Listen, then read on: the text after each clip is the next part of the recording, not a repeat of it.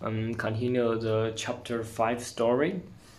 He answered me at once, Oh, come, come on, as if he was speaking of something that was a self-event, and I was obliged to make a great material effort to solve this problem without any abstraction. Instead, as I learned, there were on the plant where the little prince lived, as on all plants, good plants and bad plants.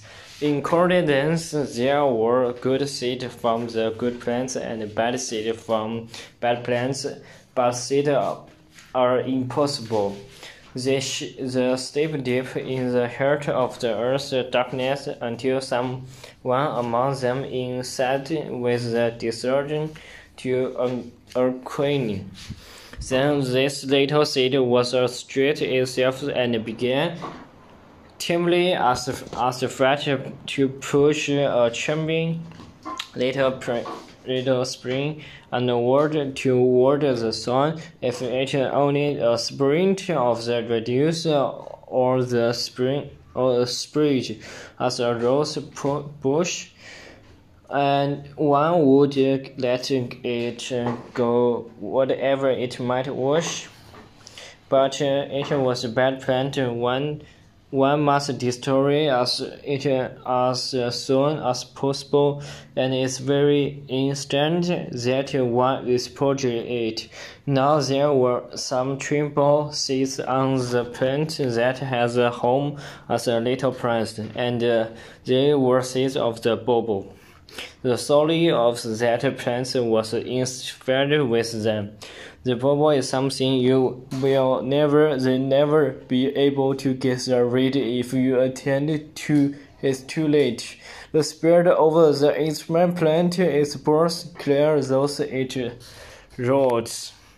So, and if the plant is too small and the baobabs is too many, the plant is pressed. It is a question of the discipline the little the prince said to me later on, when you have finished your own toilet, toilet in the morning, that is uh, time to understand to toilet of my plant just so with a great care. You must see it is that you pull up regardless of the baobabs at the very first amendment when they can be disciplined from the course which they responded so closely in their experience. It has it is very discerned work as a little prince did, but it's very easy. And one day he said to me, You ought to ought to make a beautiful drawing so that the children where you live can see exactly how how all it is. That would be very useful to them if they were to travel someday. Sometimes add there is no harm in putting off the some work until another day. But when it is a matter of the hopeless, that always means conceptual proofs.